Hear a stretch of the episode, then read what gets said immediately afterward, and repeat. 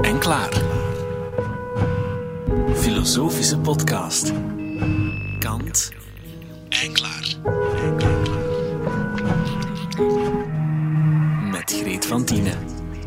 Zo banaal het fenomeen tijd is als je er niet bij stilstaat, zoiets onbegrijpelijks wordt het als je erover gaat nadenken. Mijn gast, jonge wetenschapper en filosoof Pieter Thijssen, kan ons helpen de boel te ontrafelen. Dat merkte ik tijdens enkele verbijsterende lessen over de filosofie van de tijd aan het Instituut voor Wijsbegeerte in Leuven. Thijssen doctoreert er op het fenomeen van de tijd. Zijn onderzoek loopt via de wegen van de kwantummechanica. Denk Back to the Future. Then tell me, future boy, who's president of the United States in 1985? Ronald Reagan. Ronald Reagan, the actor? Wat wij denken te weten. We leven in een bepaald tijdperk, de 21ste eeuw, en de levenstijd lijkt vooruit te gaan, te groeien vanuit het verleden door het heden naar de toekomst. En wat nog, hoe ouder je wordt, hoe sneller de klokwijzers vooruitrennen. Nabokov vond de term chronophobia uit, of angst voor het verstrijken van de tijd. Maar soms staat die tijd dan plots weer stil. Als er iets gebeurt dat een bres slaat in de gewone gang van zaken, ontstaat er een breuk in die tijd, waardoor de klok lijkt te stoppen. Zoals in dat beroemde gedicht over een groot verlies dat de persoonlijke tijd stopzet. Stop all the clocks. He was my north, my south, my east and west. My working week and my Sunday rest. My noon, my midnight, my talk, my song. I thought that love would last forever. I was wrong.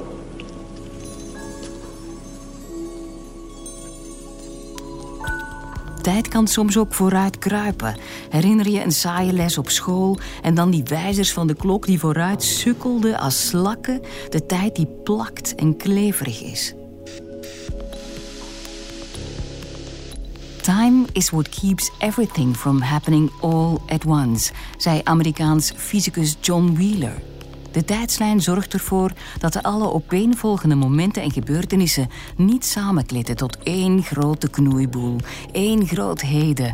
Wat een verschrikkelijk idee, want dan zou je jong en oud tegelijkertijd zijn of dood zowel als levend. Welkom in deze filosofische vertelmachine. Deze keer met de jonge wetenschapper en filosoof Pieter Thijssen. De liefde voor de wetenschap die was er heel vroeg. Die was er al in de lagere school.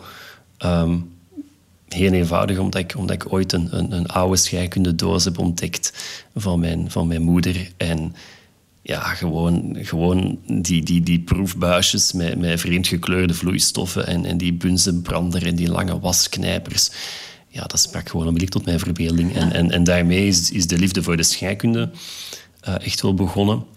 En, en, en die is alleen maar blijven groeien. Ben je dan gaan experimenteren en heb je al wel eens iets laten ontploffen toen? Oh ja. ja, ja, nee, ik heb, uh, ik heb redelijk snel een, een, een klein labo opgezet uh, bij ons op zolder. Um, en daar heb ik toch uh, serieus al zitten experimenteren. Dus uh, je bent u niet altijd bewust van de gevaren. Dus ik heb wel degelijk een paar dingen doen ontploffen. Tot mijn eigen grote verbazing. Maar zo hoort het ook. Hè.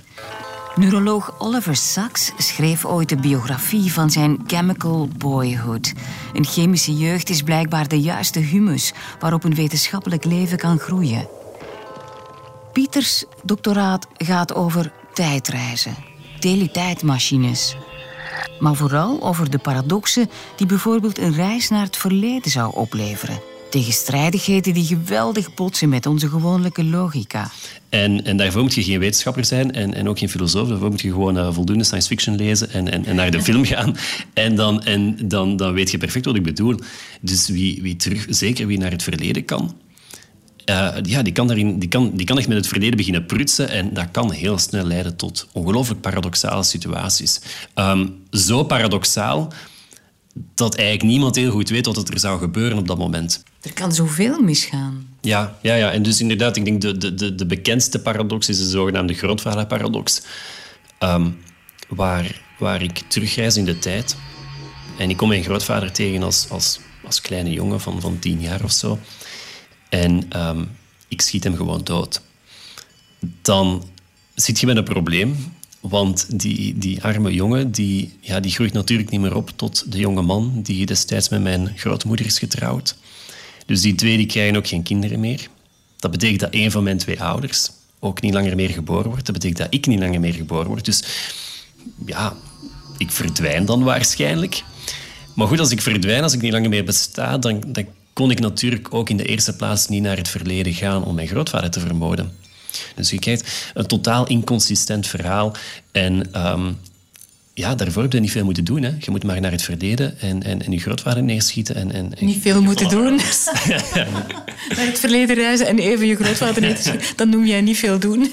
ja, maar je merkt, je merkt inderdaad hoe snel je dus in, in, in heel gevaarlijke situaties terechtkomt. In deze reeks vertrekken we van de vier vragen van Kant.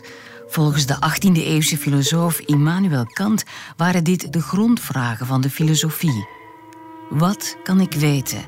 Wat moet ik doen? Wat mag ik hopen? En de laatste en ook meest omvattende vraag: wat is de mens? Voor wetenschapper Thijssen is die vraag: wat kan ik weten? de filosofische vraag bij uitstek. Het feit dat hij vanuit het naturalisme vertrekt, het idee dat alles in deze wereld een natuurlijke verklaring heeft, wil niet zeggen dat creativiteit en intuïtie helemaal geen rol meer spelen. Om de conclusies van de kwantummechanica of de leer van het allerkleinste ook maar een beetje te begrijpen, heb je beter wat verbeelding in huis. En een soort geloof dat wat je niet kan waarnemen, maar toch moet concluderen, werkelijkheid kan zijn. Spooky.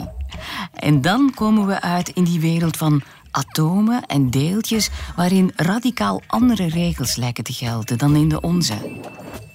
De kwantummechanica vertelt u dingen die je nooit zelf gaat meemaken in de wereld op, op, onze menselijke schaal. Daarvoor zou u eigenlijk moeten kunnen moeten verkleinen tot, tot de schaal van een atoom. Ja, dus de kwantummechanica zegt, zegt, de, zegt de zotste dingen. Hè. Ehm, dat een, een, deeltje kan bijvoorbeeld perfect door uh, een muur tunnelen. Um, dus dat zou willen zeggen dat wij los door de deur kunnen lopen. Een, een deeltje, neem nu een elektron of een foton, kunnen, kunnen ook um, op twee plaatsen tegelijkertijd zijn in, in een zogenaamde superpositie. Um, opnieuw, als je dat toepast op menselijke schaal, dan wil dat zeggen dat, dat een mens, um, dat, dat ik op deze stoel hier zou zitten en op een andere stoel uh, ja, tegelijkertijd in een soort van superpositie. Ja, dat zijn dingen die we nooit waarnemen. Als, als je een munt opwerpt, dan zijn er maar twee mogelijke uitkomsten, kop of munt. In de kwantummechanica is er een derde mogelijke uitkomst en dat is zo'n superpositie van kop en munt. Um, en we weten gewoon niet hoe we ons dat moeten voorstellen. En, en die kwantum-uitkomst, die wel degelijk bestaat en wel degelijk mogelijk is in de kwantumwereld, ja, dat is eentje die natuurlijk heel tegenintuïtief lijkt. Of een ander centraal idee in de kwantummechanica is het idee van de verstrengeling. Um, dus wanneer twee deeltjes uh, met elkaar in contact komen en met elkaar interageren, dan, dan geraken ze verstrengeld. En dat betekent dat ze een, een, een soort van, van, van ja, binding met elkaar hebben. Uh, een onzichtbare binding, een, bijna, bijna een magische binding, die maakt dat ze dus op een of andere manier wel contact met elkaar kunnen houden, met elkaar als het ware kunnen communiceren. Uh, en dat leidt tot heel vreemde uh, fenomenen en, en, en voorspellingen. Um, stel dat je bijvoorbeeld die twee deeltjes dan van elkaar zou verwijderen en eentje blijft hier gewoon um, thuis, maar, maar het andere deeltje reist naar, naar het andere uiteinde van het universum. Um, dan door die, door die verstrengeling blijven ze dus wel contact met elkaar houden. Dat betekent dat als ik hier iets met het deeltje hier thuis doe, dat het deeltje naar het andere uiteinde van het universum dat ook onmiddellijk te weten zal komen. Geeft dit deeltje een klap en het andere verspringt? Ja, absoluut. Mm. Dat is het idee. Um, en, en dat is heel straf. Want dat gebeurt echt ogenblikkelijk. Dus daar zijn wel degelijk experimenten rond gedaan die, die aantonen dat er inderdaad zoiets bestaat als een verstrengeling van twee deeltjes die met elkaar op een, op een, op een soort van spookachtige wijze uh, elkaar weten te beïnvloeden. Het gekke is dat de spookachtige verstrengeling van verre deeltjes waarover Pieter het heeft, echt is. Maar wat we waarnemen is even echt en dat is iets helemaal anders. Die gebeurtenissen in de kwantumwereld vallen nog lang niet binnen ons dagelijks denkvermogen, dat mee bepaald is door gewoonte en ervaring. Kants vraag: wat kunnen we weten? wordt dan een heel pak complexer.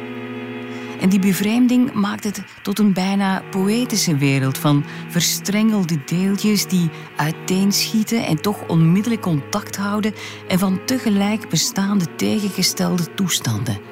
Een soort dansende kosmos bloeit voor ons open.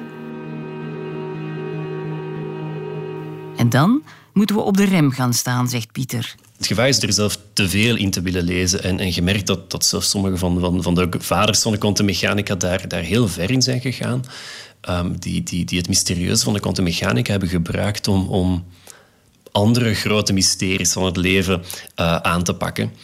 Um, neem nu bijvoorbeeld uh, Wigner.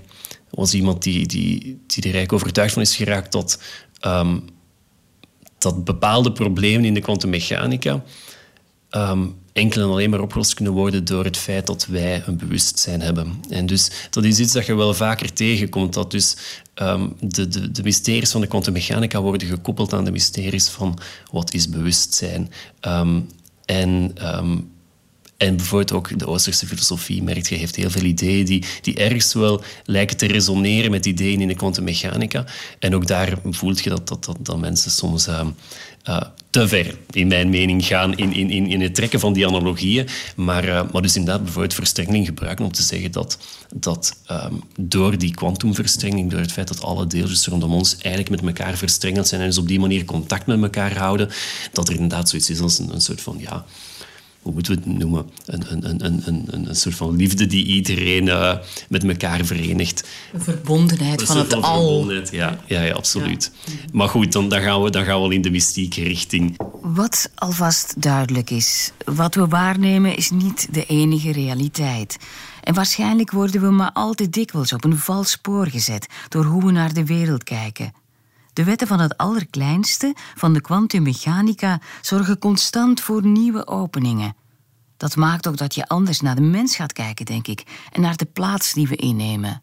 Wetenschapper en filosoof Pieter Thijssen interpreteert Kants vierde vraag: wat is de mens op die manier? Ik hoop alleszins dat we ooit een, een, een, wetenschappelijk en niet, alleen een louter filosofisch antwoord gaan kunnen bieden op die vraag: wat is de mens? Um, maar, maar wat mij vooral als wetenschapper boeit, is, is um, dat, dat die wetenschappelijke vooruitgang ook vaak een, een, een heel vreemd, zoals we het al hebben gezegd, een heel tegenintuïtief uh, licht kan werpen op, op dergelijke vragen. En ook op de vraag, wat is de mens? Um, misschien misschien het, het, het, het, uh, het meest voor de hand liggende is het feit dat de mens uiteindelijk, uh, om het heel cru te stellen, niet zoveel voorstelt. Uiteindelijk zijn we maar een puntje in, in, in een ongelooflijk gigantisch grote kosmos. Um, en, en als we kijken naar, naar de manier waarop de natuurwetten zich gedragen, de manier waarop het universum zich gedraagt, dan is het redelijk duidelijk dat het universum zich om ons niet al te veel zorgen maakt. En als we, als we opnieuw, om het heel cru te zeggen, als we, als we van de ene dag op de andere zouden verdwijnen door, neem nu een, een ongelooflijk grote meteorieteninslag, um, dan is dat ook maar zo. De, het universum zal blijven bestaan, de natuurwetten blijven onveranderd. Um, en dus het is, het is die, die, die nietigheid zeg maar, van de mens. Um, ja, dat is iets waar, waar ik denk dat veel mensen het wel moeilijk mee hebben. We zien onszelf nogal graag als, als, als het summum en het centrum en, en, en de climax van, van de evolutie enzovoort. Um, en de wetenschap vertelt ons, ons, ons net het, het, het tegenovergestelde. En dat is misschien niet de meest, de meest optimistische boodschap van de wetenschap, maar ik denk dat dat wel een belangrijke is. En ik denk dat dat ons ook nederig maakt als mens. En ik denk dat dat belangrijk is dat we dat beseffen. Ik denk dat het ook belangrijk is, zeker in deze turbulente tijd, dat we beseffen dat we uh, als mensheid, en dan gaat het over alle landen en alle culturen en alle religies en alle volkeren, uh, echt niet zoveel voorstellen. En, en, dat we zeker niet moeten hopen op mirakels of moeten hopen op uh, moeder natuur die ons wel zal verder helpen. Het is echt aan ons om er iets van te maken. Het is aan ons om, om, om deze wereld hier uh, staande te houden. Um, en, en dat is volgens mij een ongelooflijk belangrijke boodschap die we te danken hebben aan de wetenschap. De mens is klein en onbetekenend in een onverschillige kosmos. En dat besef moet ons net genoeg vuur geven om ons groots te maken ons doen realiseren dat we zelf verantwoordelijkheid dragen. Gelukkig wordt een wetenschapper als Pieter daar niet melancholisch van. Kan het je soms ook vrolijk maken dat, dat je beseft van wij zijn zomaar een deeltje van een spel de knoppen in dat grote universum? Kan dat ook een soort lichtheid brengen? Ja, ik, ik vind dat persoonlijk fantastisch. Ik vind dat... Ik vind dat ja, je kunt, je kunt je eigen hoofd daar gewoon niet, niet, niet, niet, niet rondbuigen. Dat is...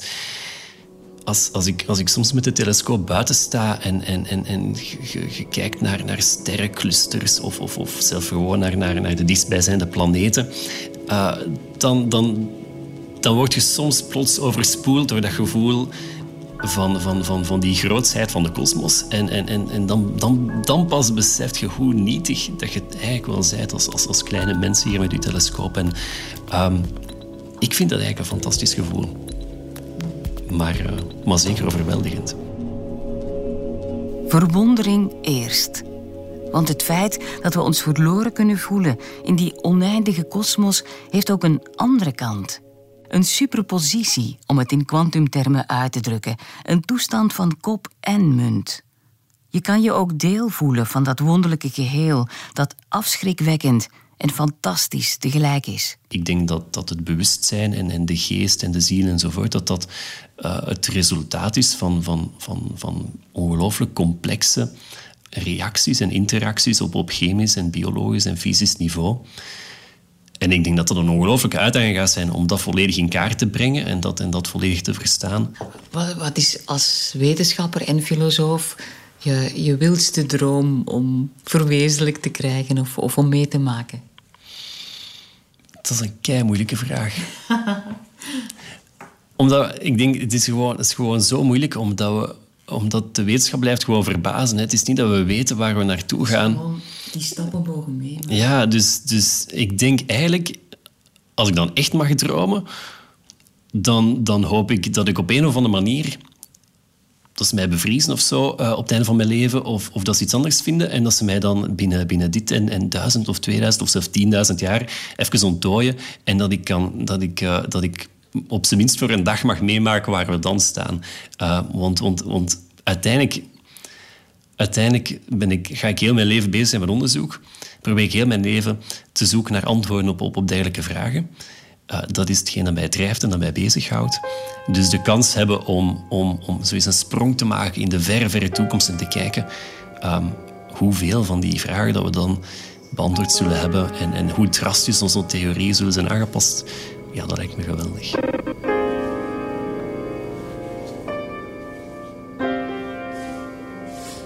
Dit was de tweede aflevering van Kant en Klaar. Met wetenschapper en filosoof Pieter Thijssen. Die de mens radicaal als puntje in de grote kosmos terugzet en ons tegelijk verwondering cadeau doet over die te verkennen wereld. Volgende keer vragen we aan de bekende Australische filosoof en ethicus Peter Singer wat we moeten doen. Hij is ervan overtuigd dat we onszelf kunnen oefenen in het goede door zoveel mogelijk te delen. Ik vraag me af wat hij daar precies mee bedoelt. Heel graag tot dan.